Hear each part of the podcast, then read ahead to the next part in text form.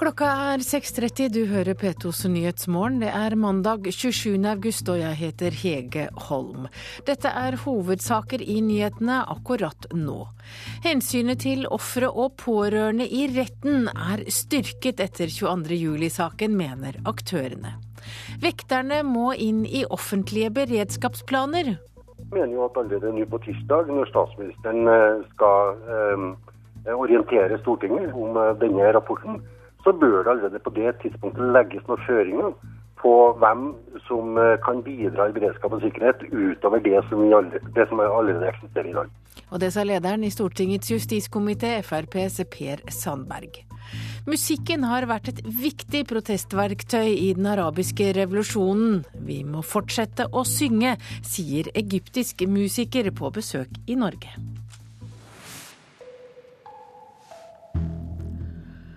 Ja, Hensynet til ofre og pårørende er styrket i rettsapparatet etter 22.07-rettssaken. Det mener altså flere av aktørene under saken. Og sorenskriver Geir Engebretsen tror også andre domstoler vil bli påvirket av Oslo tingrett, fordi Oslo tingrett la en så stor vekt på å legge til rette for ofre og pårørende under selve saken. Her er det mange drepte mange eh, sterkt berørt av det som skjedde. Mange familiemedlemmer, eh, fornærmede fra Utøya, som har krav på en særskilt oppmerksomhet og en særskilt tilrettelegging. Og det har domstolen lagt en uvanlig stor innsats inn i, og jeg er helt sikker på at det kommer til å prege domstolarbeidet i tiden fremover. Et økt fokus på domstolens brukere, eh, på ofrene i forbindelse med straffesaker. Dommen er enstemmig. Fredag falt dommen i den mest omfattende rettssaken i Norge etter krigen. Hver for seg fikk de mange ofrene for 22. juli-terroren en mindre omfattende vitneførsel når det gjaldt å beskrive dem enn det som er vanlig.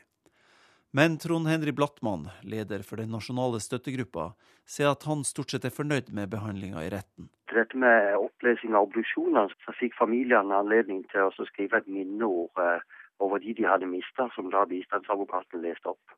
Så vidt meg bekjent så er det en helt ny eh, sak eh, som ble gjort nå i Oslo tingrett, og, og som jeg tror alle opplevde som veldig god. Det her kan domstolene lære av i andre saker òg, sier Mette Yvonne Larsen, som var koordinerende bistandsadvokat. Det vi ser er jo at retten har vært veldig fleksibel når det gjelder å ta høyde for å akseptere at uh, vi har brukt en utradisjonell metode når vi har presentert bevis hvordan kan utradisjonell metode brukes i andre saker, da? Altså I en sak som er så stor som denne har vært, og i andre større saker, så kan man kanskje presentere en historie for å beskrive de som er drept, istedenfor at man skal føre vitner om det samme, som ofte tar mye lengre tid. Der har jo retten vist stor tålmodighet og, og vært fleksibel og utradisjonell. Ja, det sa Yvonne Larsen til reporter Kjartan Røslett. Etter et år preget av terror, så var det igjen politikk som sto i sentrum da AUF møttes i Trondheim etter, til den første nasjonale konferansen siden 22. juli i fjor. Og et drøyt år etter grusomhetene på Utøya var det altså latter å høre blant AUF-erne i helga.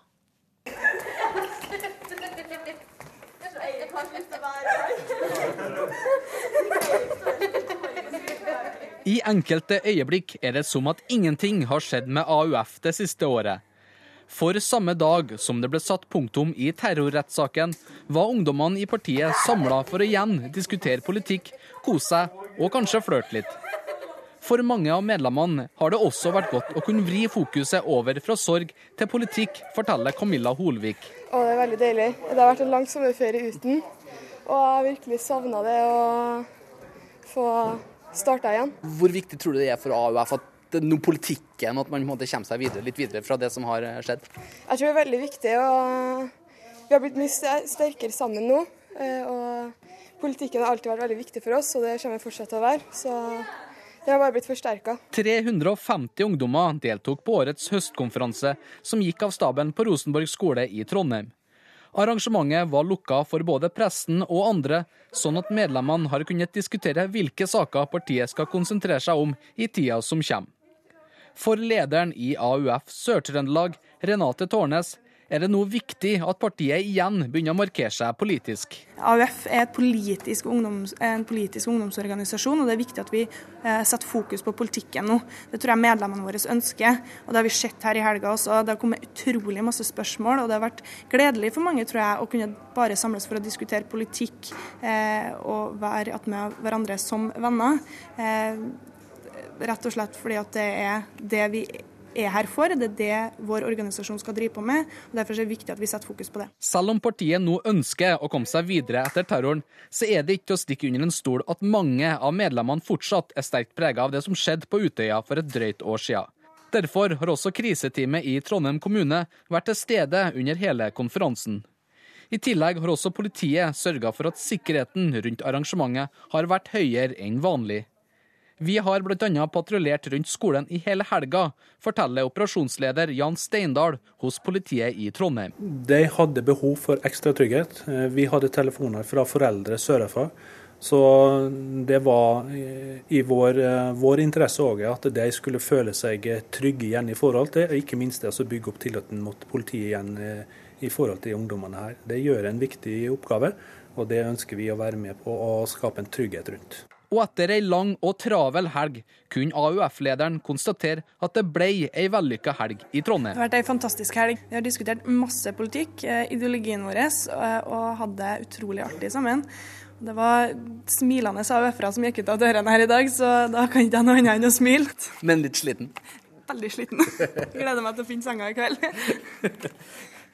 Ja, det var en sliten og glad AUF-leder i Sør-Trøndelag, Renate Tårnes, som møtte reporter Jørgen Pettersen. Vekterbransjen må med i offentlige beredskapsplaner for plutselige hendelser. Det mener Fremskrittspartiets Per Sandberg, som er leder i Stortingets justiskomité. Det bør legges føringer for slik forbedring av beredskapen allerede når statsministeren tirsdag gir utredning til Stortinget om 22. juli-kommisjonen. Det sier Per Sandberg. Det er mange øyne her, ører, hender, som jobber 24 timer, sju dager i uka, 365 dager i året. Det er tusenvis av mennesker her eh, som er årvåkne. og Derfor er det viktig å dra inn deres kompetanse eh, inn i beredskapsplaner, råd, komiteer som berører beredskap og sikkerhet i Norge. Det har vært mange fordommer mot vekterbransjen. De må vi legge bort, sier Sandberg. Eh, jeg har sjøl nå vært en hel dag hos eh, sikkerhetsbransjen, og jeg får opplysninger som er imponerende. Eh, og det overrasker meg at ikke sikkerhetsbransjen i større grad er omtalt i rapporten fra 22.07 også. I hva grad tyder dette å sprenge grenser mellom politimakt og vektertjeneste? Nei, ikke i hele tatt. Eh, for situasjonen er faktisk den at sikkerhetsbransjen i dag eh, supplerer politiet eh, nesten daglig. Det haster med å få den ressursen vekterne utgjør inn i håndfaste offentlige planer for å øke tryggheten, mener lederen i justiskomiteen. Jeg mener jo at allerede nå på tirsdag, når statsministeren skal orientere Stortinget om, om denne rapporten, så bør det allerede på det tidspunktet legges noen føringer på hvem som eh, kan bidra i beredskap og sikkerhet utover det som, det som allerede eksisterer i dag. Men slike føringer møter skepsis hjå Jan Bøhler fra Arbeiderpartiet. Han er også felles justistalsmann for de rød-grønne. Kjerna i førstelina, som ble sett på prøve 22.07, må fremdeles være politiet og Forsvaret, også med Heimevernet, sier Bøhler. Og så er det klart at det kan finnes eh, supplementer som eh, man kan ha, bringe inn andre ressurser i, men eh, jeg tror at det skal ligge, skulle ligge langt framme i 22.07-kommisjonens rapport nå. At Per er overrasket over at det ikke står noe om det der, det syns jeg blir litt på sida. For det er ikke den første reaksjonen fra kjerneapparatet, det er ikke der de kan komme inn. Så jeg tror nok ikke at han kan vente at det blir en sentral del av, av statsministerens redegjørelse. Men i hva grad er det relevant at uh, disse private tryggingsselskapene er på vakt hele døgnet og har responstid som er omtrent null? Vi har uh, gjort mye for å få ryddet opp i den bransjen. Bedre lovregulering og et samarbeid for at de skal spille en positiv rolle. Og, og det er helt riktig at de bidrar til tryggheten i samfunnet. Eh, så det er ikke noe problem. Men den primære beredskapen i forhold til eh, denne typen akutte hendelser, der må vi vite at vi har basis i et offentlig apparat som er å stole på. For her er det jo veldig mange grunnleggende prinsipper og avveininger i samfunnet som skal ivaretas i, den, i denne øyeblikkelige reaksjonsfasen. Og reporter her var Bjørn Bø. Da har vi noen eh, meldinger. Vi skal snakke om ISAC Isaac for eh, guvernørene i de amerikanske delstatene Louisiana, Mississippi og Alabama sendte i går ut krisealarm en dag etter Florida. Alle delstatene rundt Mexicogolfen, med unntak av Texas, har erklært unntakstilstand pga. uværet Isaac. Det amerikanske orkanvarslingssenteret NHC sendte ut orkanvarsel fra Louisiana til den nordlige, nordvestlige delen av Florida. Florida, og NHC tror Isaac treffer kysten et sted mellom Florida og Luciana midt i uken. Da er det nøyaktig sju år siden orkanen Katrina rammet New Orleans. Operasjonssjefen i det mektige Haqqani-terrornettverket er drept i et amerikansk droneangrep i Pakistan. Det bekrefter afghansk etterretning. Haqqani-nettverket skal ha stått bak terrorangrep mot vestlige og afghanske mål i Afghanistan de siste årene, bl.a. angrepet i 2008 mot Kabul Serena hotell. Dette angrepet kostet den norske journalisten Karsten Thomassen livet. De nye norske kampflyene blir trolig tre ganger så dyre i drift som de gamle F-16 jagerflyene. Det hevder en britisk rapport som konkluderer med at de nye norske kampflyene F-35 er klart dyrest i drift av samtlige seks vestlige kampflyalternativer. F-16-flyene er et av de to billigste i drift, bare svenske JAS 39 Gripen er billigere, ifølge sammenligningen.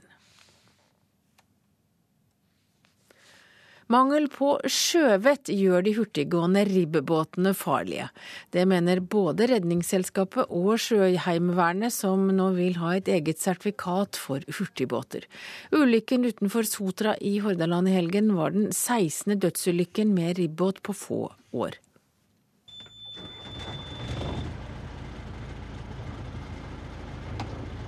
Stor motor, mange hestekrefter, høy fart. Den stivskroga oppblåsbare båten av typen ribb er av de mest populære fritidsbåtene langs kysten. Men med uerfarne hender bak rattet kan den være livsfarlig, ser Ingvar Johnsen i Redningsselskapet. Farten på sjøen har økt så kraftig at uh, alminnelige sjøvettere ikke har fulgt etter. Siden 2005 har 16 personer omkommet i ulykker med ribbåter. Det syner tall fra Sjøfartsdirektoratet. Sist natt til lørdag, da ei kvinne i 40-åra mista livet i ei båtulykke utenfor Sotra. Politiet kan foreløpig ikke si noe om ulykkesårsaker. Nå vil Redningsselskapet ha strengere krav for de som skal føre slike båter, med et eget hurtigbåtsertifikat og aldersgrense 18 år. Det vil nok forhåpentligvis medføre større kunnskap om det å kjøre båt fort det er et forslag som også sjef for Sjøheimevernet Svein Jarle Jacobsen støtter. For med båter med maksfart på 80 knop er ikke båtførerprøven nok, mener han, og vil at styresmaktene skal ta båtulykker mer på alvor. Sjøfartsdirektoratet må begynne å komme på banen. I dag er det i praksis ingen krav til å føre geværkuler eller geværprosjektiler på sjøen og det ender ofte med skader og døden. Forslaget om hurtigbåtsertifikat og høyere aldersgrense skal nå handsames av næringskomiteen på Stortinget. Det sa reporter Trude Bakke. Da har vi kommet fram til dagens ferske aviser. Stavanger Aftenblad har kåret Norges mektigste. På toppen troner Statoil-sjef Helge Lund, statsminister Jens Stoltenberg og ganske overraskende Senterpartiets nestleder Ola Borten Moe. Høyre i Hordaland har gått kraftig fram siden februar. Med hele 41,4% ville fylkespartiet fått syv representanter på Stortinget. Det er det beste resultatet Høyre noen gang har oppnådd på en meningsmåling i Hordaland, slår valgekspert Terje Sørensen fast i BT. Vil jobbe for livstidsstraff, sier statssekretær i Forsvarsdepartementet og Arbeiderpartipolitiker Roger Ingebrigtsen til Nordlys. Hvis Norge i framtiden blir rammet av en som Breivik, bør vi ha åpning for å dømme ham til strengere straff, sier Ingebrigtsen til Nordlys. Innbyggerne i Bygde-Norge er mer bekymret for kommuneøkonomien enn folk i urbane strøk. En av tre innbyggere mener at økonomien i kommunen deres er blitt dårligere enn før, skriver Nasjonen. Millionkrangel skal opp i retten i dag. Kjendisadvokat Mona Høines arvet 100 millioner da ekteparet Urdal døde. Ekteparets arvinger mener at moren var senil da hun bestemte at Høines skulle arve alt, skriver Dagbladet. Forsvarets etterretningstjeneste gjorde jobben for Politiets sikkerhetstjeneste etter 22.07 i fjor, skriver Aftenposten. Det inkluderte overvåking av internettrafikk og høyreekstreme miljøer. Statoil-sjef Helge Lund forteller til Dagens Næringsliv at jobben som Statoil-sjef har forandret ham. Jeg er blitt mer sky, sier Lund til avisen. Og firmaer som lever av å hjelpe folk fram i helsekøer, trener, tjener millioner av kroner, skriver Dagsavisen i dag. Fallitterklæring som skaper et klassedelt helsevesen, sier Høyres Bent Høie til Dagsavisen. Og VG forteller at nå er tiden inne for et høstkupp på hytter, båter, sykler, klær, grill og møbler. For når regnet siler ned, mister folk interessen for bl.a. hytter ved sjøen. Derfor er det svært mange til salgs akkurat nå.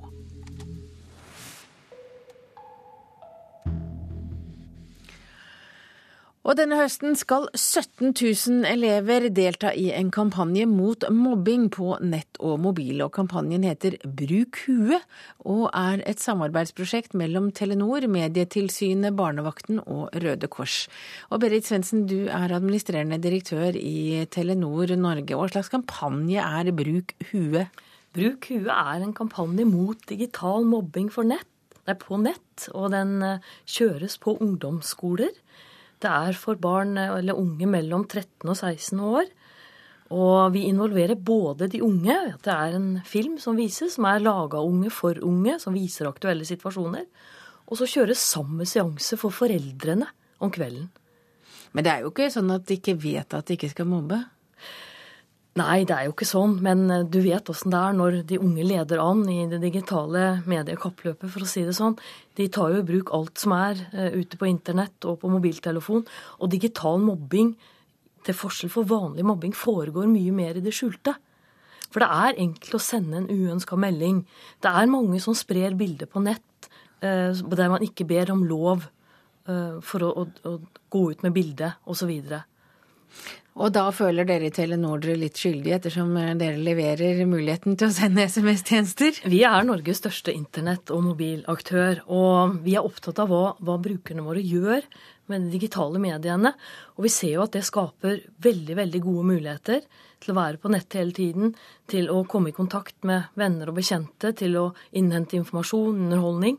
Men vi ser også at eh, det kan misbrukes. Men hva er det dere forteller i kampanjen? Det vi forteller, det er at vi viser en film som eh, tar for seg eh, hvordan det er når uønska bilder spres på nett, hvordan det er når man sender tekstmelding som man egentlig ikke bør sende, hvordan det er når det opprettes profiler, falske profiler på nett som begynner å sende ut meldinger, og hvilke konsekvenser det får. Men Forklarer dere da hvordan ofrene får det? Ja, er det ofrenes rolle dere tar? Vi, tar? vi ser på alt. Vi ser både på de som uh, på en måte får, uh, eller blir utsatt for at det spres bilder uh, på nett som ikke burde vært spredt. Vi ser på hva som skjer med de som har spredt de bildene. Så vi tar på en måte, vi ser hele situasjonen, og så blir det diskutert ordentlig. Og politiet blir også involvert i den filmen eh, som vi har laga, fordi det faktisk er lovbrudd. Men selv om det er lovbrudd, så når man vel ikke så veldig langt eh, ved å gå til politiet hvis noen f.eks. har stjålet identiteten? Politiet tar jo, tar jo, hånd om saken, men det er helt klart at den viktigste med vår kampanje nå, det er jo å spre kunnskap om eh, både, både, for å oppdage og for å, for, for å forhindre digital mobbing på nett. Og vår viktigste oppgave nå er å fortelle foreldrene bli en digital foreldre, fordi foreldrene må gå i dialog med barna sine og snakke om dem. Hva skjer der ute på nettet? For det er egentlig foreldrene som kan være med og fortelle hva som er riktig og galt der ute. Og du vet, vi i foreldregenerasjonen vi er jo ikke vokst opp med digitale medier på samme måte. Så vi må også lære dette. Så jeg tror min største oppfordring i dag er bli en digital foreldre. Gå ut og engasjer dere på hva barna gjør på nett. Hva er målet for kampanjen? Målet for kampanjen er både å forebygge, eh, forhindre digital mobbing og, å oppdage at det skjer. Og gjennom å spre kunnskap og ved å vise filmen, som både barn og foreldre har mulighet til å, å ta del i den kampanjen, Bruk huet. Så det er egentlig bli en mer digital foreldre, og sørg for at det ikke skjer så mye digital mobbing ute på nettet. Ja, for du tror at det er foreldrene som eh, vil kunne gjøre den viktigste jobben her? Ja, det tror jeg absolutt. Sammen med barna. Takk til deg, Berit Svendsen. Du er altså administrerende direktør i Telenor Norge, og i dag starter kampanjen mot mobbing som har fått tittelen Bruk huet. Og kulturminister Anniken Huitfeldt åpner mobbekampanjen på Nordby ungdomsskole på Jessheim senere i dag. Molde kan gå en travel høst i møte med gullkamp i Eliteserien og cupspill i Norge og muligens Europa, men de regjerende mestrene som inntok tabelltoppen i Eliteserien i går, ser kun positivt på det tette kampprogrammet. Så håper vi på å gi Molde-publikummet og alle som er glad i Molde, en kjempehøst. Moldes midtbaneveteran Magne Hoseth trives godt på toppen av tabellen, der de er etter 2-0-seieren over Vålerenga i går. Og går det Moldes vei i returoppgjøret mot Heerenveen på torsdag, venter det gruppespill i Europaligaen. I tillegg er Molde fremdeles med i cupen. Men Hoseth frykter ikke at tett kampprogram skal ødelegge gullsjansene. Vi har en stor tropp, så vi rullerer veldig godt på den. så Da blir du, da blir du enda mer gira når du først får spille. så det er ikke noe, Du blir ikke sliten, du blir bare mer gira. Og Molde er avhengig av å holde trykket oppe. Med ti runder igjen av Eliteserien har de ett poeng ned til serietoer Strømsgodset, som kun har serien å fokusere på. Men for første gang denne sesongen er gullet Moldes til å tape. Ja, vi har eh, satt oss i en eh, fantastisk situasjon og en posisjon som eh, kan gjøre at vi kan avgjøre absolutt alt sjøl. Det har vi ikke hatt gjort før i år. Så nå er vi, vi er veldig spent og gleder oss til de neste kampene. Og reporter her var Christian Myrseth. Du hører på Nyhetsmorgen i NRK P2 og Alltid nyheter. Klokka er 6.52, og dette er hovedsaker i nyhetene. Hensynet til ofre og pårørende i retten er styrket etter 22. juli-saken, mener aktørene. Vekterne må inn i offentlige beredskapsplaner, det mener lederen i Stortingets justiskomité, Per Sandberg. Og det var 17. mai-stemning langs Telemarkskanalen under NRKs Minutt for minutt-sending i går.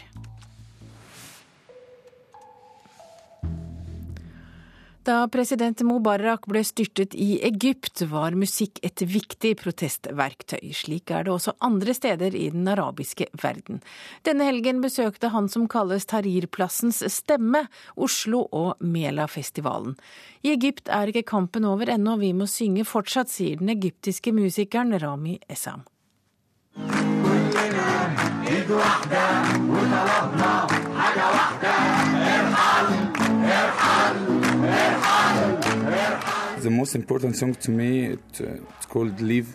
Den viktigste sangen for meg heter 'Forsvinn'. Den sang vi i Egypt mot Mubarak. Etter han brukte vi sangen mot militæret. Nå skal vi bruke sangen mot det muslimske brorskap.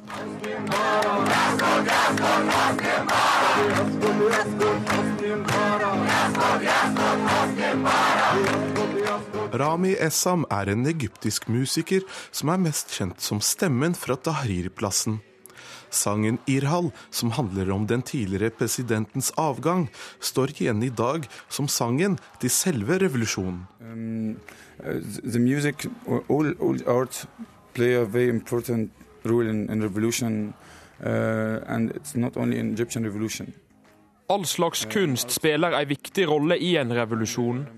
Ikke bare i Egypt, men i hele den arabiske verden. De sangene vi brukte i Egypt, motiverte og hjalp oss til å fullføre revolusjonen.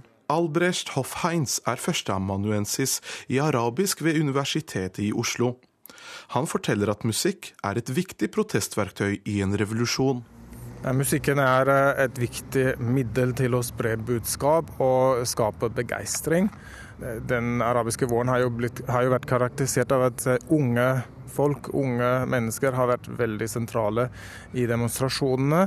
Og det er deres musikk, som veldig ofte er protestmusikk, som ikke er akseptert av eldre og etablerte krefter, som, eh, som har stått frem sentralt eh, på, eh, under demonstrasjonene. Den egyptiske musikeren Rami Essam sier at flere av hans kolleger har sonet straff i fengsel pga. musikken deres.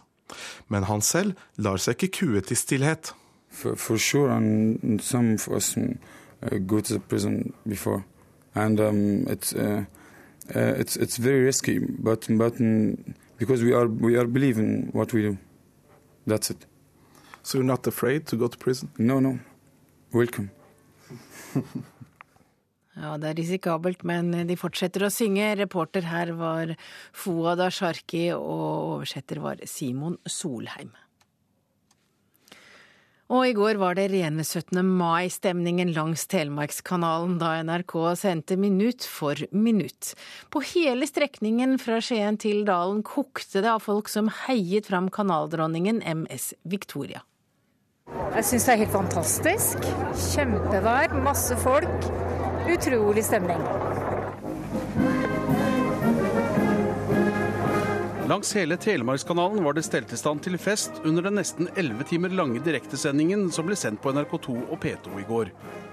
Musikkorps, band, kor og leikaringer sørget for at stemningen var på topp, og for noen vekket turen gamle minner. Man er nesten 15-16 eh, år igjen. Det blir mange minner. Og så syns jeg det er moro å virkelig se alle mennesker som vi møtte opp. Det er veldig flott. Så dette kommer jeg til å live på så lenge jeg har sansene i orden. Anne Fles fra Tokke har vokst opp ved Telemarkskanalen, og var bare 15 år gammel da hun mønstret på i byssa på MS Victoria første gang. Første turen hadde jeg i 54, da fikk jeg arbeid om bord. Og det var den sommeren jeg gikk for pressen. Så det var moro. En kveld på dalen og en kveld i byen. Så vi hadde ikke tid til å se så mye på naturen da når vi arbeidet, vet du. For det var, det var 12 og 14 timers arbeidsdag. Vi, og da på den tid var det røykesalong her på Victoria.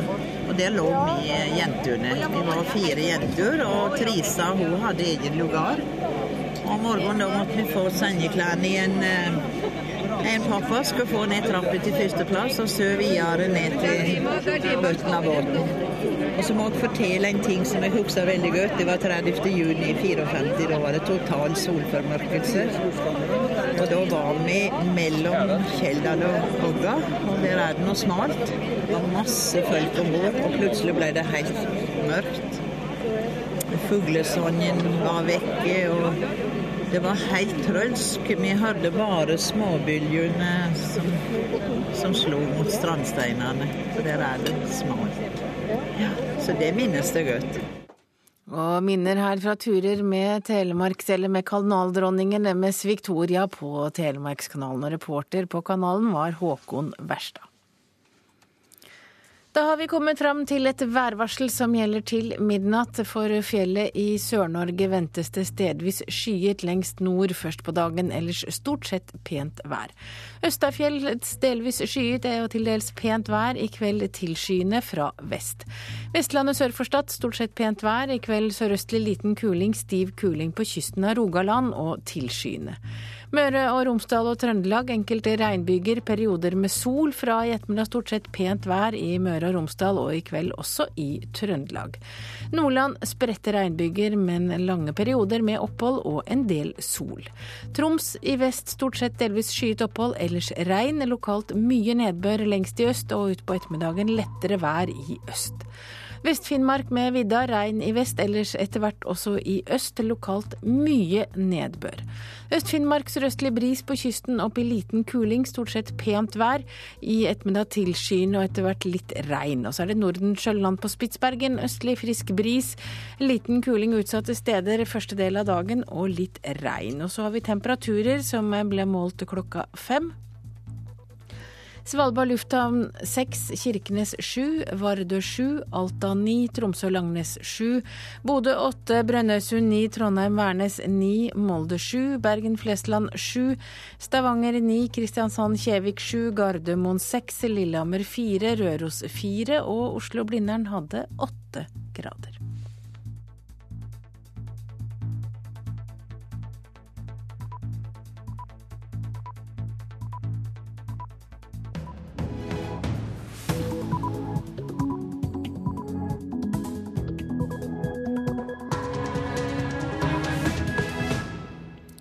Klokka er sju, du hører på Nyhetsmorgen. Jeg heter Hege Holm, og dette er en nyhetsoppdatering.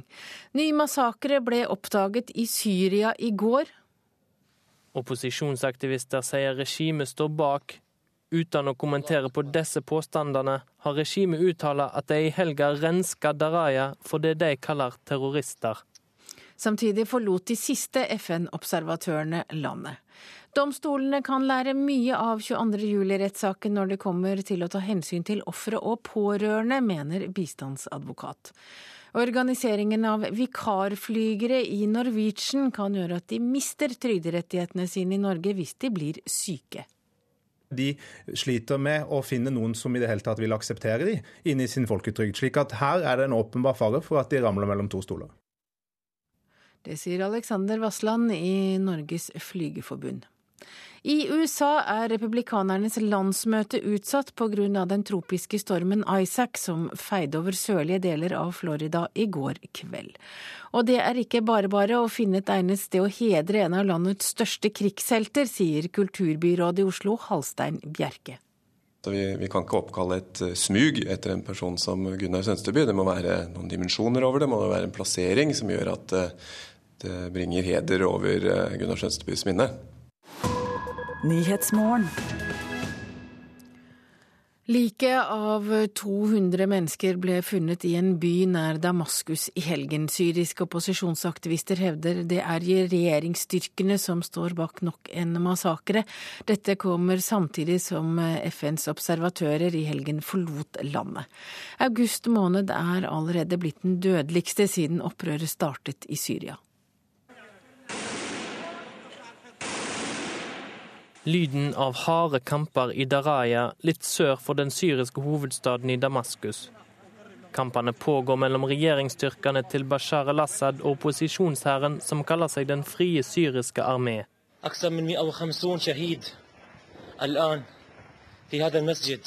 I en moské i samme by filmer en mann i helga ei redselsfull scene. Over 200 lik er funnet i bygningen, og rapportene hevder de er regelrett avretta. Opposisjonsaktivister sier regimet står bak. Uten å kommentere på disse påstandene, har regimet uttalt at de i helga renska Daraya for det de kaller terrorister.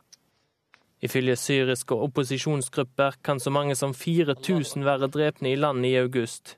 I så fall blir august den mest dødelige måneden siden opprøret starta for snart halvannet år siden. Han får med seg et lite bon voyage før han dreg, sjefen for FNs observatørstyrker Babachar Gaye. Han drog som sistemann, og nå, når Syria er inne i sin mest voldelige måned, er det internasjonale nærværet på bakken i praksis borte.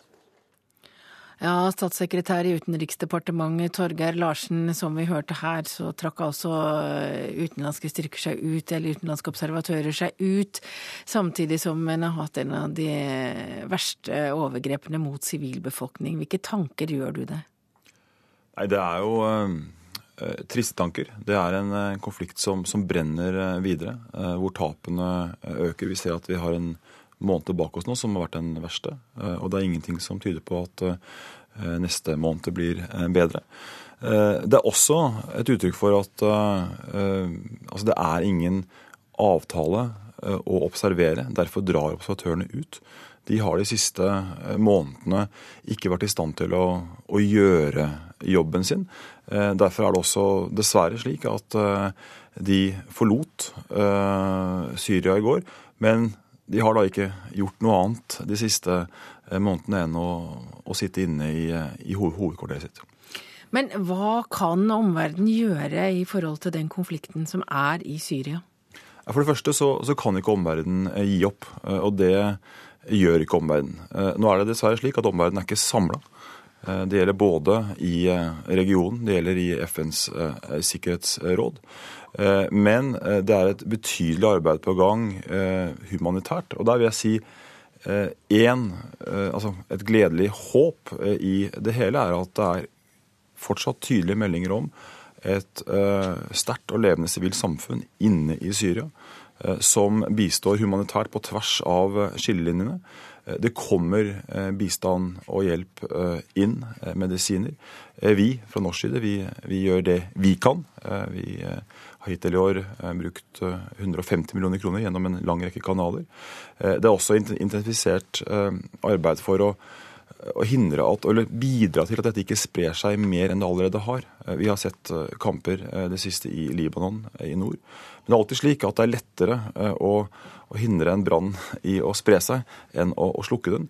Jeg tror at det vi på ulike måter kan gjøre for å bidra til den jobben som nå gjøres i Libanon av regjeringen der, for å hindre at man blir sugd inn, den må også vi gjøre det vi kan for å bidra med. Og det gjelder andre kanter. Det kommer altså en ny, FN, en ny fredsmekler fra FN. Han begynner i jobben denne uken. Hva kan han gjøre som Kofi Annan ikke klarte?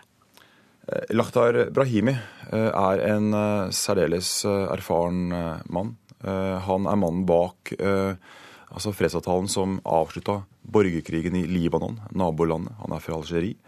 Han har selv sagt at eh, det er en utrolig vanskelig jobb han har fått, eh, men han skal eh, gjøre det han kan. Og vi får håpe at han kan bidra med noe ut fra den erfaringen han har. Og så får vi alle gjøre det vi kan for å støtte han. Takk til deg, statssekretær i Utenriksdepartementet Torgeir Larsen. Rettssaken etter 22.07 har styrket hensynet til ofre og etterlatte i rettsapparatet. Det mener flere av de som hadde ansvar under rettssaken. Bistandsadvokat Mette Yvonne Larsen sier domstolene kan lære mye av denne saken.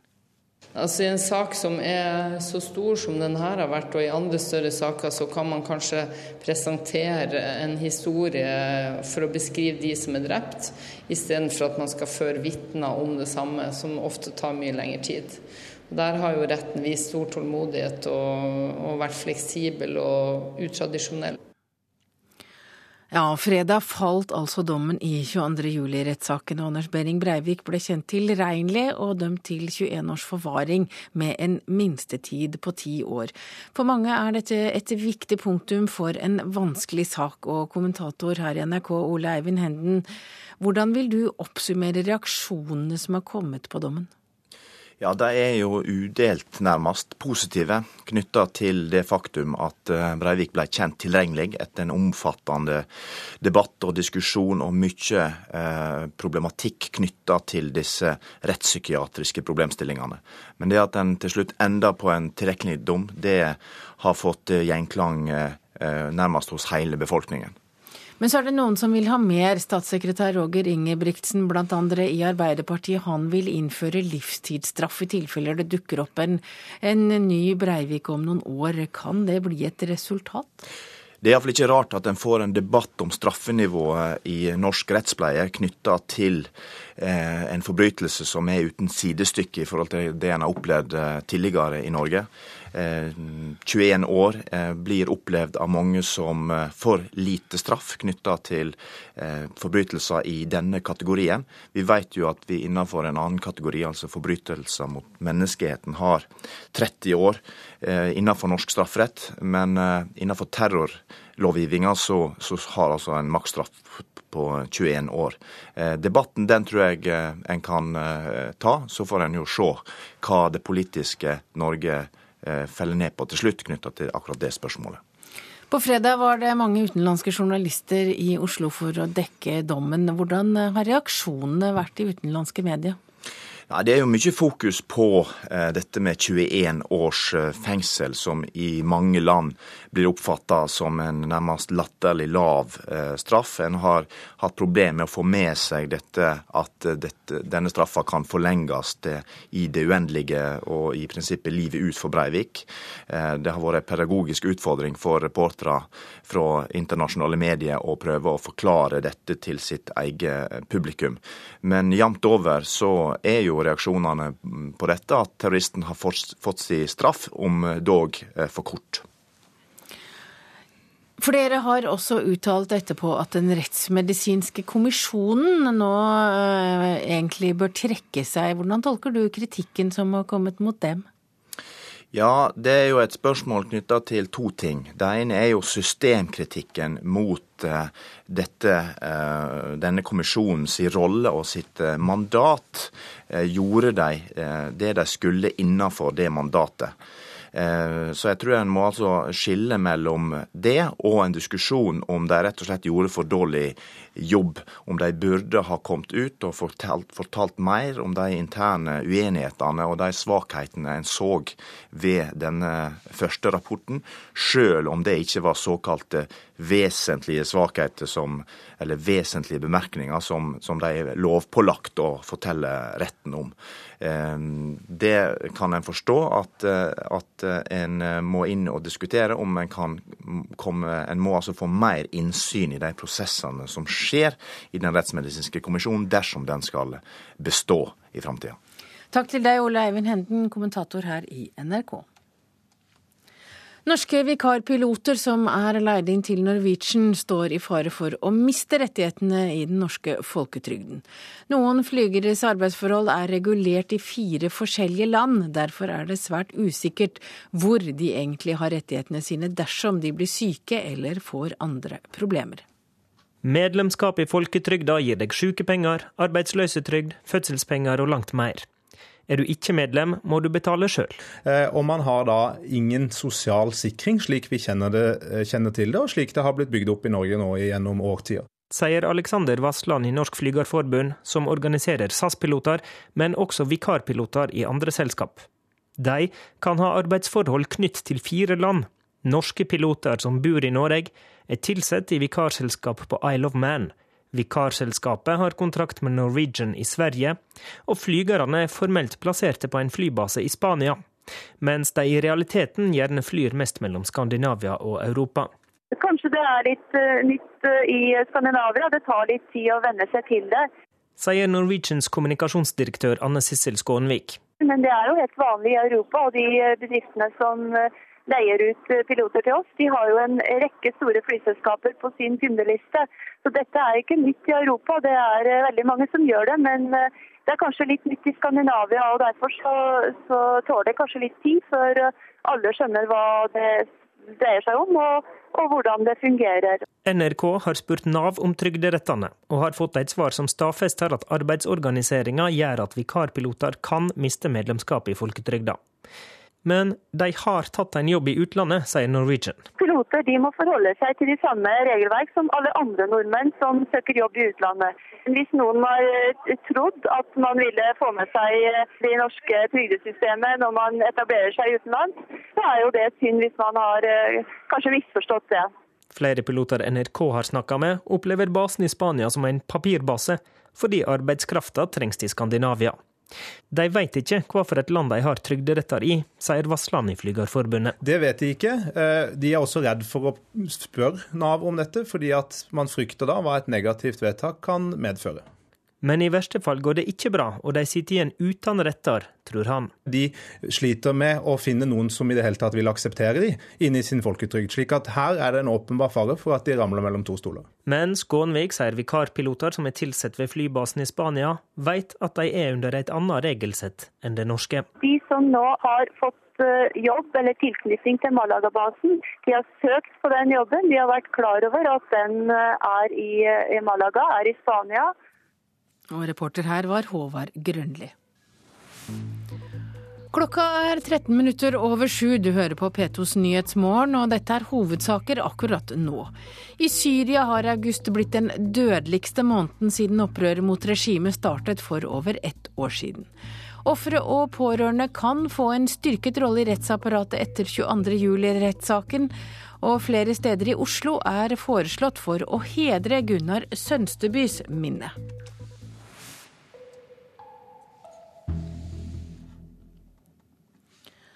I Tampa i USA ventes over 50 000 delegater, gjester og pressefolk til republikanernes landsmøte som åpner i dag. Her skal Mitt Romney formelt bli nominert som partiets presidentkandidat. Men akkurat nå kjemper Romney om oppmerksomheten med uværet Isaac. Og Jon Gelius, du er på plass i Tampa. Hva skjer? Ja, Her er det et herrenavn som preger nyhetsbildet, Isaac. Og det er eh, ikke noen eh, delegat. Det er rett og slett en eh, tropisk storm som i løpet av morgentiden og norsk tid kan komme til å utvikle seg til en orkan som kan treffe inn mot land i løpet av det neste døgnet. Og dette har fått konsekvenser for republikanernes landsmøte? Det er det også. Eh, først og fremst så har jo da både delstaten Florida, her hvor republikanernes landsmøte skal være, men også de andre delstatene rundt Mexicogolfen, Louisiana, Mississippi, Alabama, de har sendt ut krisealarm eh, i natt norsk tid. Eh, og det er fordi de altså frykter at den tropiske stormen skal kunne gjøre skade i denne regionen. Og Det har ført til at landsmøtet som skulle åpnes i kveld norsk tid med pomp og prakt, nå blir en flau bris i sammenheng sammenligning, fordi det blir bare en åpningstale av den republikanske partiformannen. Og så lukker de første møtedag etter bare noen få minutter omtrent. Og så utsetter de resten av programmet til i morgen, av frykt for det uværet som kan komme til å feie inn også over Tampa-regionen senere i dag norsk tid. Hva vet vi om styrken i Isaac? Ja, Foreløpig så er det jo da en tropisk storm. Den ligger i øyeblikket ca. 120 km sørvest for eh, Key West, altså i sydspissen av Florida, og ventes altså innover i Mexicogolfen i løpet av det neste døgnet. og Da kan den utvikle til å bli en orkan. Eh, noen mener at den kan, når den treffer land, kanskje i området rundt New Orleans, kunne utvikle seg til en orkan av styrke kategori 3 av 5 på en skala. Eh, og det er jo ikke mer enn, hvis du husker tilbake, sju år, omtrent på samme tid som vi sitter nå, så var det jo da Katarina rammet New Orleans med fatale følger. Kan denne bli like sterk? Så langt er det ingen som tror på at det blir like sterkt, men man vet jo ikke hvordan en tropisk storm vil utvikle seg når den kommer over åpent hav innover i Mexicogolfen.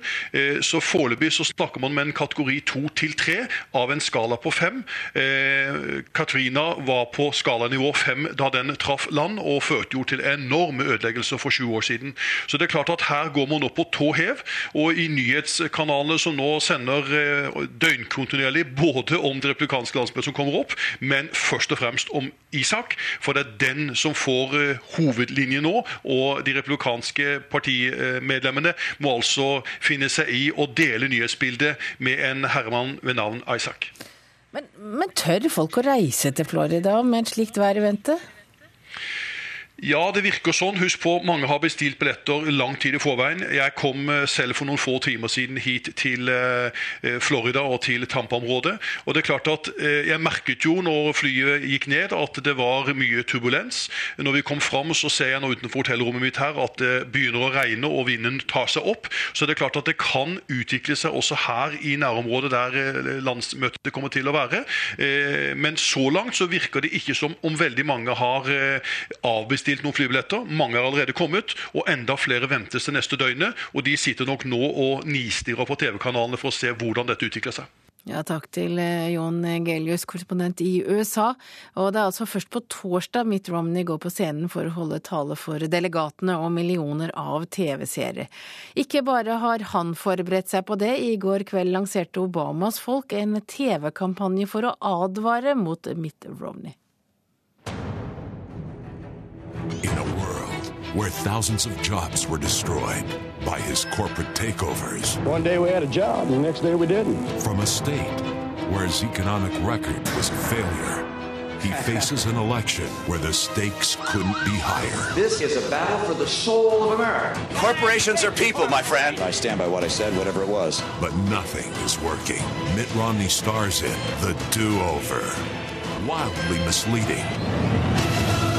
Rated N for not gonna work.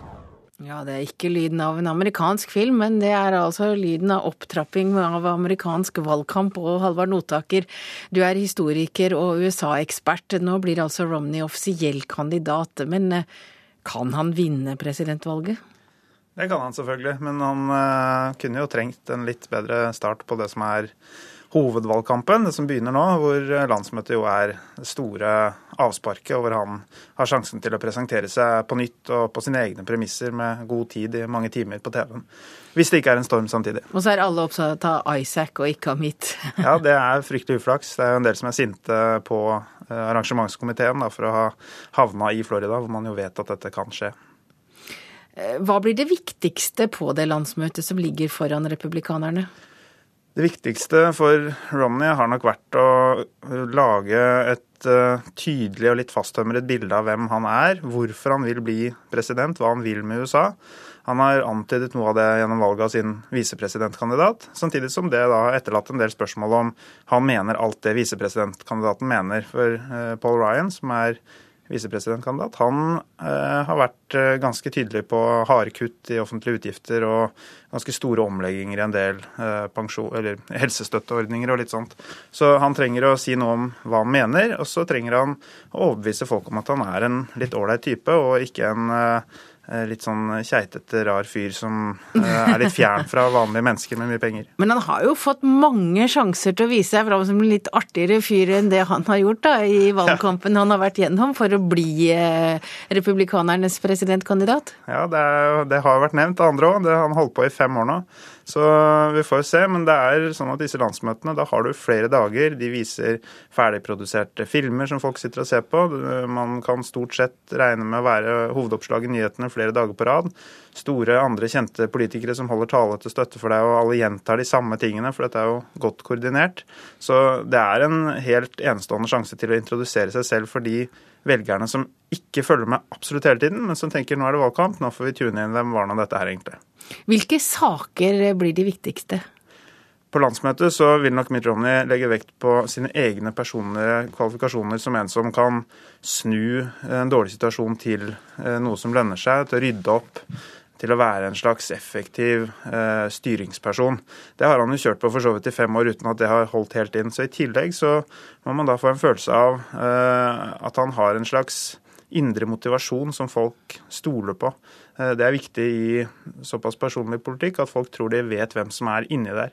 Og eh, Det er vel der han har litt igjen å gå på. Jeg tror det vil handle mye om Mitt personlig, og ikke så mye om sakene nå. For Men for å si det sånn, så har vel visepresidentkandidaten hans vist mer personlighet enn Romney har? Han regnes som en stigende stjerne, og det gjorde nok ikke Mitt Romney da han var på hans alder. Eh, så det er klart at Paul Ryan står hele tiden i fare for å overskygge Mitt Romney, men akkurat det virker det som de greier å balansere. Så får vi se hvordan det går. Det skal iallfall skje i de nærmeste dagene. Hvis ikke Isaac helt kommer og rydder hele landsmøtesalen, så, så blir han nok presidentkandidat og får holdt talen sin. Takk til deg, Halvard Notaker, historiker og USA-ekspert. Den nigerianske regjeringen har gjennomført hemmelige forhandlinger med den militante islamistiske gruppen Boko Haram. Målet er å stanse opprøret som har krevd hundrevis av menneskeliv, opplyser talsmann for presidenten. For ett år siden gjennomførte Boko Haram et selvmordsangrep mot FN-hovedkvarteret i hovedstaden Abuja. En norsk 30 år gammel kvinne var blant de som ble drept i angrepet. Operasjonssjefen i det mektige Haqqani-terrornettverket er drept i et amerikansk droneangrep i Pakistan. Haqqani-nettverket skal ha stått bak terrorangrep mot vestlige og afghanske mål i Afghanistan de siste årene, bl.a. angrepet i 2008 mot Serena hotell i Kabul. Den norske journalisten Karsten Thomassen ble drept i angrepet. I Sør-Sudan er minst 24 soldater drept av opprørere i delstaten Yonglei. Rundt 17 soldater er savnet og flere er skadd, opplyser myndighetene. Angrepet skjedde da gruppen med soldater var ute for å prøve å finne en ny opprørsleder. EU ber Gambia om å umiddelbart stanse henrettelsen av dødsdømte fanger. President Yaya Yame skal ha begynt å gjennomføre planen om å tømme landets dødsceller. Ifølge Amnesty ble ni av 47 dødsdømte henrettet ond torsdag. Gambia har ikke bekreftet dette, men Yame har imidlertid sagt at samtlige skal henrettes før september er omme. Og da har vi kommet fram til dagens presserunde. Stavanger Aftenblad har kåret Norges mektigste. På toppen troner Statoil-sjef Helge Lund, statsminister Jens Stoltenberg og ganske overraskende Senterpartiets nestleder Ola Borten Moe. Høyre i Hordaland har gått kraftig fram siden februar. Med hele 41,4% ville fylkespartiet fått syv representanter på Stortinget. Dette er det beste resultatet Høyre noen gang har oppnådd på en meningsmåling i Hordaland, slår valgekspert Terje Sørensen fast. I avisa BT. Vil jobbe for livstidsstraff, sier statssekretær i Forsvarsdepartementet og arbeiderpolitiker Roger Ingebrigtsen til Nordlys. Hvis Norge i framtiden blir rammet av en som Breivik, bør vi ha åpning for å dømme ham til strengere straff, sier Ingebrigtsen til Nordlys. Innbyggerne i Bygde-Norge er mer bekymret for kommuneøkonomien enn folk i urbane strøk. En av tre innbyggere mener at i økonomi, økonomien i kommunen deres er blitt dårligere enn før, skriver Nasjonen.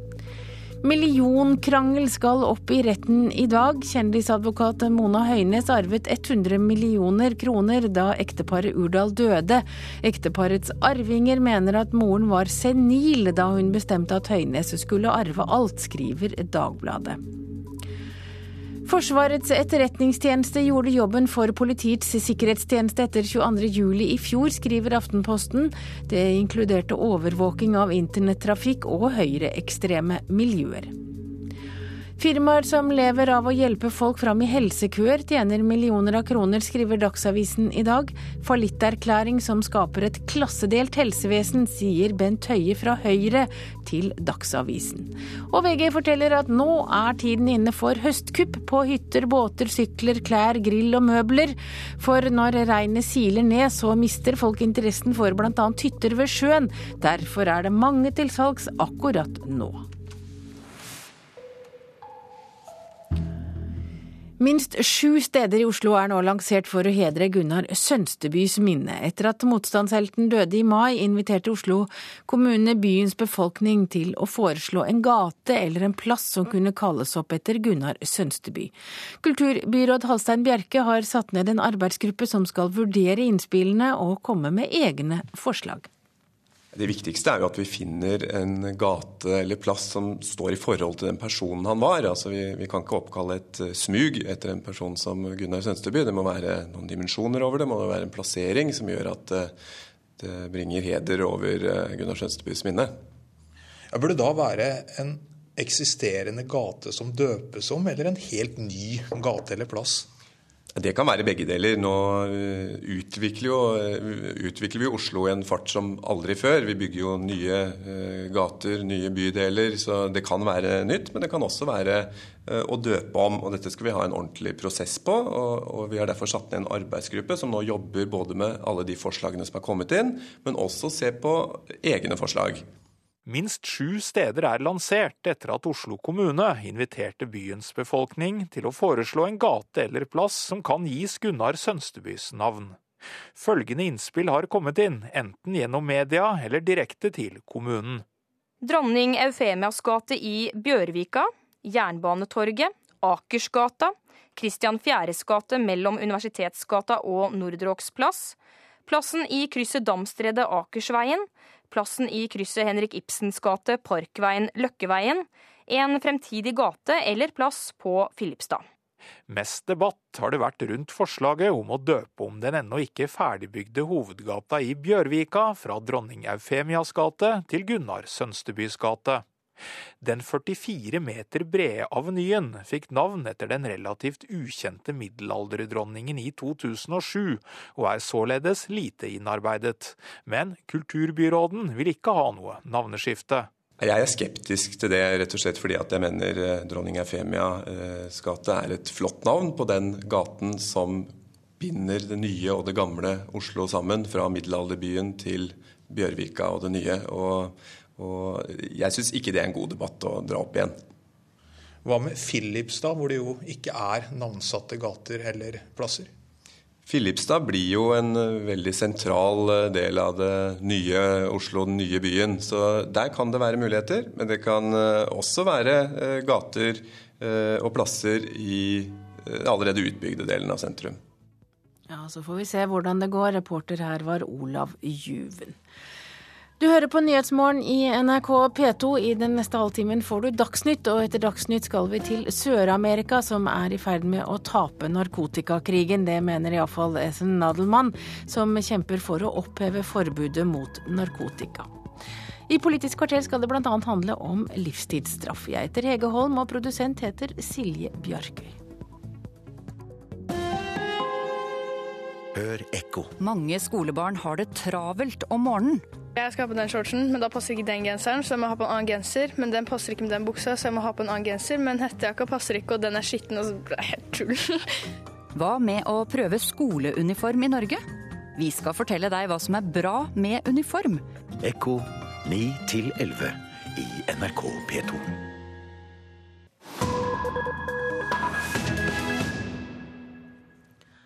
Hører på P2s Nyhetsmorgen, og nå skal vi til Sør-Amerika. For Sør-Amerika er i ferd med å tape narkotikakrigen.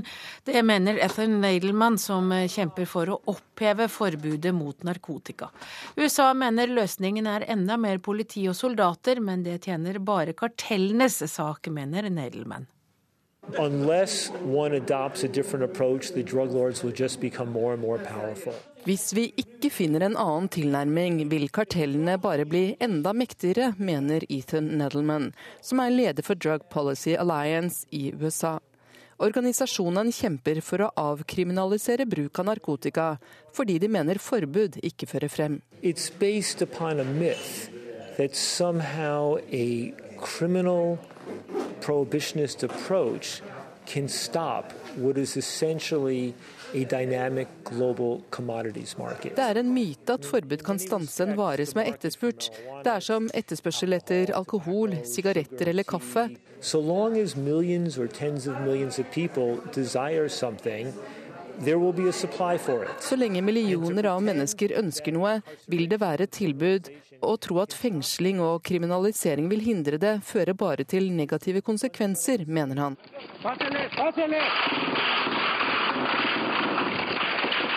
Det kan høres ut som en gate i Syria, men dette er hvordan narkotikakrigen utkjempes i Mexico. Seks år etter at president Felipe Calderón satte inn soldater mot de mektige narkotikakartellene, er drapsstatistikken verre enn noen gang. 27 000 drap i fjor, ifølge nye tall. Det er en tredobling siden krigen mot bandene startet. Mens meksikanerne fortsetter å utkjempe krigen med militære midler, har flere andre land begynt å gå nye veier. Riksadvokaten i Colombia, Alejandro Ordeñez, har foreslått folkeavstemning for eller imot å tillate eget forbruk av narkotika. I Uruguay er det allerede lov å bruke marihuana. Denne måneden gikk presidenten enda lenger, og har bedt nasjonalforsamlingen om å finne ut om staten skal overta produksjonen av det narkotiske stoffet. Vamos al punto con Jorge Ramos. Vamos al punto. Comenzamos el programa con el primer presidente en la historia de América Latina que propone en funciones legalizar las drogas. Men ingen har gått så langt som Guatemalas konservative president Otto Pérez Molina. Yo creo que es el momento de hablar de otras cosas, de hablar de otras alternativas y una alternativa de esos es la despenalización de la droga. Jeg tror vi må snakke om nye løsninger, og én er avkriminalisering av narkotika, sa han i TV-programmet Al Punto. Den tidligere generalen har gått fra å love å sette inn flere soldater, til å mene at både produksjon, handel og bruk av narkotika bør være lov så lenge det reguleres. Guatemala er gjennomsyret av korrupte politifolk og har blant verdens høyeste drapstall grunnet narkotikahandel.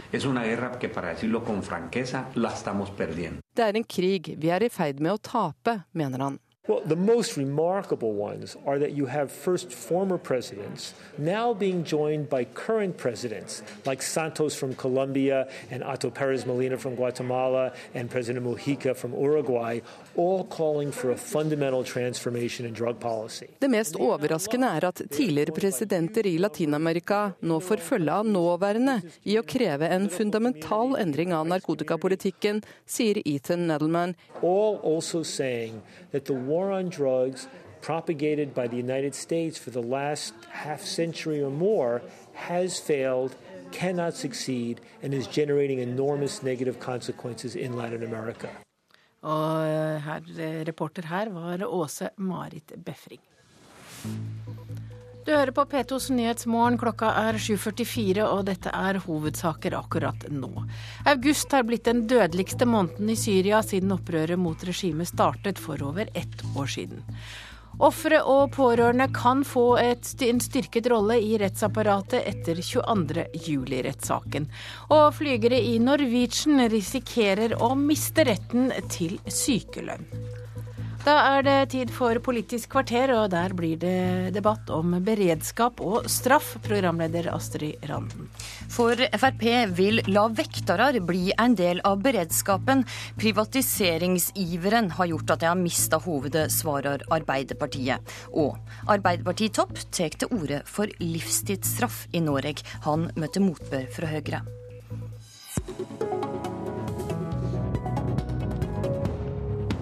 Ja, Vel møtt til Politisk kvarter. I studio i dag er Astrid Randen. Som vi hørte i Dagsnytt, tar statssekretær i Forsvarsdepartementet Roger Ingebrigtsen fra Arbeiderpartiet til orde for livstidsstraff. Og Ingebrigtsen, du er med oss på telefon. Hvorfor vil du innføre livstidsstraff i Norge? Jeg vil beholde det beste med det norske rettssystemet, nemlig at vi gir folk en ny uh, mulighet. Folk som har begått ulike former for kriminalitet, kan vende tilbake til samfunnet hvis de soner sin straff, og hvis de oppfører seg ordentlig og angrer sine synder.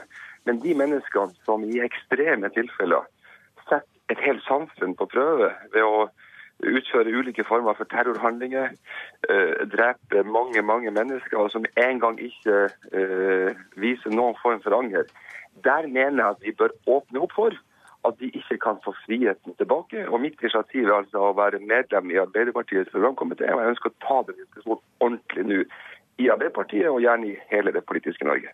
Men uh, hva mener du med resten av livet? Altså Med livstidsstraff, er det virkelig da resten av livet? Ser jo nå i de sakene, Den store saken som har pågått nå, så diskuteres det jo sånn at alle mener i utgangspunktet at denne mannen aldri kan få sin frihet tilbake. Men vi har altså begrensninger i straffeutmålinga.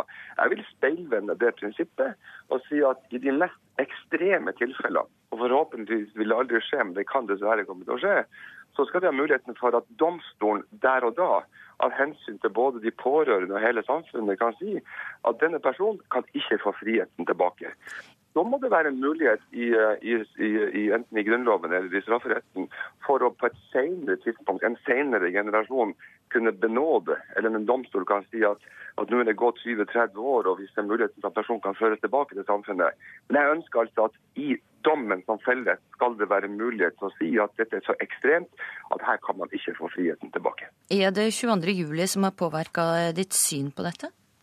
Jeg mente eh, ganske lenge at vi hele tida er nødt til å ha et sterkt fokus på hvordan, vi ut, eh, hvordan, hvordan type straffer vi har.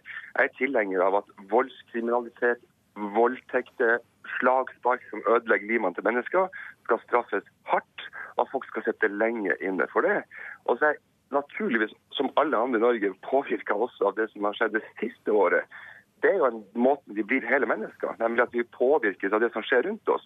Og det er klart at Ingen av oss har kunnet bli unnlatt å bli påvirka av det som skjedde 22.07. i fjor.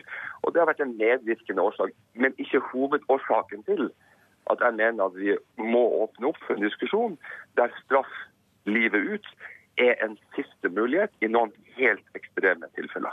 Hvorfor støtte har du for eh, dette synet i Arbeiderpartiet?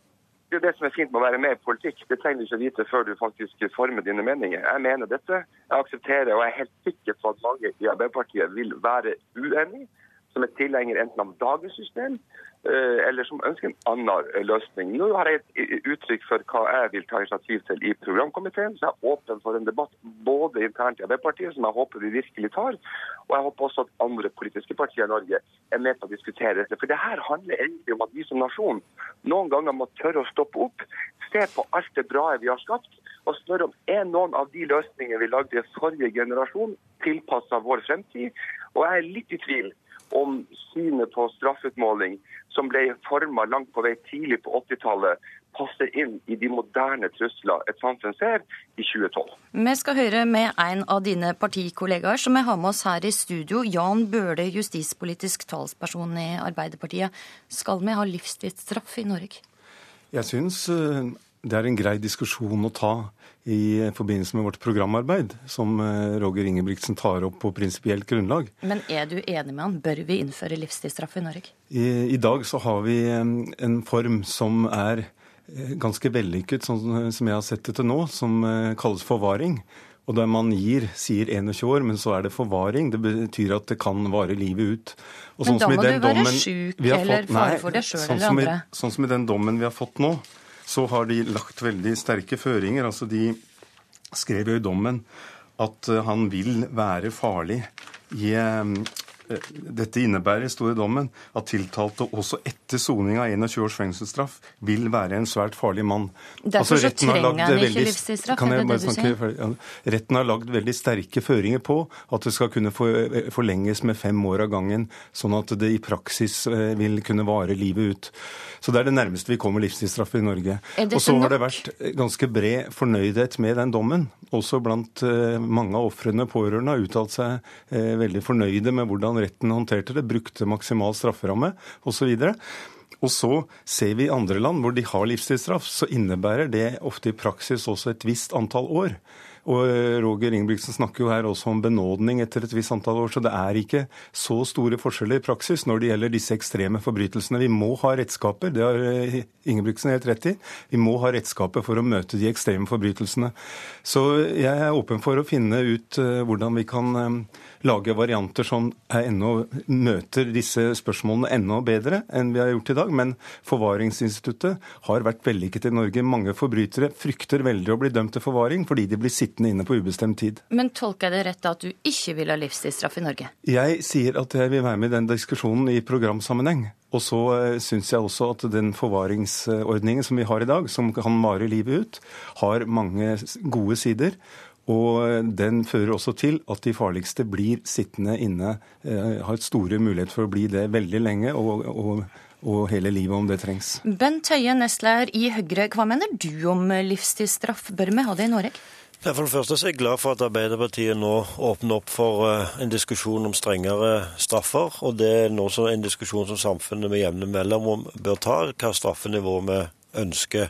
Men det som òg er viktig, er at når vi tar den type diskusjoner, at vi gjør det på utgangspunkt et, eh, med et prinsipielt utgangspunkt. Og livs, det innfører livstidsstraff kan, hvis i den ytterste formen av det, være et eh, ganske stor forandring av dagens eh, rettsorden i Norge. Og den situasjonen vi har vært igjennom, viser jo at vårt rettssystem har fungert veldig godt. Men derfor vil jeg òg si at ja, eh, la oss ta diskusjonen, men kanskje vi trenger mer enn noen dager etter en så opprivende rettssak som vi har vært igjennom, før vi hopper rett over i å diskutere et, kanskje et av de vanskeligste spørsmålene. Men jeg er òg enig med Jan Bøhler at eh, forvaringsordningen som vi har i Norge, i praksis fungerer f.eks. ganske likt det som en har i Sverige, der en har livstidsstraff, men der en har muligheten for benådning. Og Det som må være viktig, er at vi kan ha et rettsvesen som sikrer samfunnet. og Det er jo det som òg vår ordning er knytta til forvaring gjør. fordi at da kan en skjerme samfunnet mot farlige mennesker, selv om en må, eh, ikke har en livstidsstraff. Men skal jeg da tolke det slik, altså er det nok med en forvaringsstraff slik vi har i dag? Forvaringsstraffen eh, fungerer i praksis lik det som eh, er konsekvensen av livstidsstraff i andre rettssamfunn som vi liker å sammenligne oss med. Men det betyr ikke at en ikke skal ta en diskusjon om eh, straffelengder og andre måter. Og vi jo, har vært veldig tydelige på at når vi får denne rettssaken på litt avstand, så må vi ta en diskusjon rundt en rekke forhold rundt rettsvesenet vårt og rettssystemet vårt, sånn at vi er enda bedre forberedt hvis forhåpentligvis ikke. Men hvis dette tilsvarende skulle skje en gang i framtiden. Per Sandberg, leder av justiskomiteen for Fremskrittspartiet. Du har eh, tidligere tatt til orde for å øke straffene. Er du enig i at forvaringsstraff slik vi har i dag, er bra nok? Jeg hører at uh, både Høyre og, og, Arbeiderpartiet på den ene sida sier at forvaring fungerer uh, ut ifra det det politiske miljøet har ønska seg. Uh, men det er jeg ikke helt enig i. Fordi at uh, Breivik-saken er ekstrem i sitt tilfelle, og vi har ikke noe sammenligningsgrunnlag overhodet. Eh, Nå har han fått eh, lovens strengeste straff med forvaring. Eh, og det er klart at det vil bli vurderinger etter hvert her, særlig etter ti år. Eh, og det vil klart gå på bekostning av de pårørende ofrene at man gjentatte runder får med denne Breivik-saken. Sånn sett så er jeg helt enig med Roger Ingebrigtsen med å ha muligheter til å dømme til livstid så vil man skape stabilitet og ro rundt det. Og heller åpne for eventuell benådning etter 30-40-50 år. Så ville det ha vært mye mer stabilt, og jeg tror at folk flest også ville få en mye større forståelse for at vi har den type åpning. Ja, Høie, her hører du at det ville skape ro for ofra. Ja, og det er et argument, men eh, det er klart at Er det et viktig argument, da? Det er iallfall et argument som må tas med i en mer prinsipiell diskusjon om dette. Men de, de landene, f.eks. Sverige, som har livstidsstraff med benådning, så går en, venter en jo ikke i 30 år før en vurderer dette. Så en vil jo uansett eh, få en vurdering, nye runder på dette, selv om en da innfører livstidsstraff med benådning. Nei, nei, men Bent, altså, hør hva jeg sier. Vi trenger jo ikke å adoptere det svenske systemet. Vi kan legge opp til et eget system hvis vi skal innføre livstidsstraff, der at man først kan søke om benådning etter 30, kanskje etter 40 år. Da har vi et eget system, og da vil det skape en helt annen situasjon enn gjennom forvaring, der at man da med gjentatte mellomrom får gjenopptakelse av saken saken med ønske fra da forbryteren. Eh, og det er klart at eh, Jeg tror at eh, det Roger Ingebrigtsen er inne på, det er veldig viktig. Selv om at vi har revidert straffeloven da 2008, og det at vi faktisk har åpna for maksimalstraff på 30 år i forhold til her med forbrytelse mot menneskeheten, så tror jeg at dagens straffeutmåling og straffelov og straffeprosesslov er litt utdatert, utdatert og at vi kanskje skal modernisere den ut ifra de truslene vi står overfor når det gjelder organisert kriminalitet og terror, som kanskje krever noe helt vi... andre strafferammer. Og det er jeg helt enig med deg i. Da kan vi uansett konkludere med at dette blir en debatt vi kommer til å høre mer om i framtida. Nå skal vi over til et litt annet tema. For i morgen er Stortinget kalla inn til ekstraordinært møte. Da skal statsministeren greie ut om hvordan regjeringa skal følge opp 22.07-kommisjonen sin rapport. Og i dag får han med seg et helt nytt råd fra lederen i justiskomiteen, nemlig la vekterne bli en del av beredskapen. Og Per Sandberg, hva for ansvar mener du vekterne skal ha for beredskapen i Norge? Ikke noe mer ansvar enn det man, man faktisk registrerer i dag. Vi skal være klar over det at 22.07 i 2011 så var sikkerhetsbransjen betydelig inn i, i, i, i sikkerhetsarbeid. 30 voktere bidro i akuttfasen med livrennende førstehjelp, evakuering av bygg, sikring av skadested, avsperring av gata, sikring av samlingsplassen på Jungstorget, hente ut bilder og film fra kamera. Eh, og de benyttes i dag eh, også for sikring. De stengte av Oslo City, de stengte av sentralbanestasjon. De forsterka faktisk beredskapen på Oslo politihus. Så sikkerhetsbransjen med vekterne er allerede i dag inne. Men det jeg etterlyser, ingenting av dette står det om i rapporten fra 22. juli-kommisjonen. Og så er det sånn at jeg er selvfølgelig innforstått med at, det, at eh, sikkerhetsbransjen ikke skal bevege seg inn på rettsprinsippene våre i forhold til politi og forsvar osv. Men det jeg mener er helt ulogisk, det er at disse tusenvis av menneskene som 24 timer i døgnet, sju dager i uka, 365 dager i året, er testes, må brukes i forhold til å forebygge eh, både kriminalitet, organisert kriminalitet og planlegging i forhold til terror. Disse øynene skjer, og da må de dras med i planverket. Jan Bøhler, eh, fortsatt justispolitisk talsperson i Arbeiderpartiet. Du mener altså det er en dårlig idé å gi vekterne beredskapsansvar. Hvorfor det? Altså, det er forskjell på å stille opp sånn som man løste det i praksis på denne dagen, og være en del av den grunnleggende beredskapen i Norge. Det mener jeg absolutt skal tillegge staten, altså politiet, som utløser ressurser fra nødetatene, brannvesen, helsevesen, og som har Forsvaret eh, og Hjemmevernet, Sivilforsvaret, politireserven eh, i bakhånd når det trengs. Og det er jo klart at det å utøve makt, myndighet i Norge, det skal tillegge disse statlige, offentlige etatene, som har det per eh, lovverket. En, altså de som er i vektere osv., de har samme myndighet til maktutøvelse som ethvert annet menneske i Norge. Men det er veldig bra at de stiller opp. Men noe av problemet, eller hovedproblemet 22.07, som Gjørv-kommisjonen bl.a. påpeker, er at eh, det var problemet med å mobilisere alle de ressursene som kunne stille opp. Altså at vi må bli flinkere til å få med Hjemmevernet raskt, til å få inn eh, raskt, få inn politireserven osv. Så, videre. så her, når vi snakker om bruk av private, så snakker vi ofte om der det offentlige ikke har nok ressurser. Men her er det jo snakk om hvordan få de ressursene vi har, til å virke bedre sammen. Til å stille altså opp raskere. Eh, jeg mener at det er et supplement som viser seg nyttig, som han beskriver i en praktisk situasjon. Men jeg mener at det ikke er behov for å legge det inn i noe ytterligere inn i den offentlige beredskapen, for det vil bli dyrt. De skal selvsagt ha betalt for det hvis de skal inngå i mer offentlige beredskapsplaner. Da blir det spørsmål om myndighetsutøvelse, hva slags makt de skal få i disse situasjonene. Og jeg syns de er et supplement, og at det er der det bør ligge. Men Per Sandberg, du får 20 eh, sekunder til å avslutte Ja, men- her. Hva for makt skal vekterne Jeg vet få jeg vet i ikke den hvor- beredskapsorganisasjonen? Jeg vet ikke hvorvidt Jan Bøhler gjør dette bevisst eller ubevisst, men han hører selvfølgelig hva jeg sier. Jeg er opptatt av at skillet mellom eh, det offentlige, som har ansvar i forhold til beredskap og sikkerhet, og private eh, bransjen. Men det som er mangelfullt her, det er det at man ikke har med disse kreftene i planlegging. Og nå var det altså 300 vektere som var med og bidro sterkt til å supplere Og politiet og der, Per Sandberg, må jeg dessverre avbryte det, for eh, Politisk kvarter denne morgenen er slutt. I studio i dag var Astrid Randen.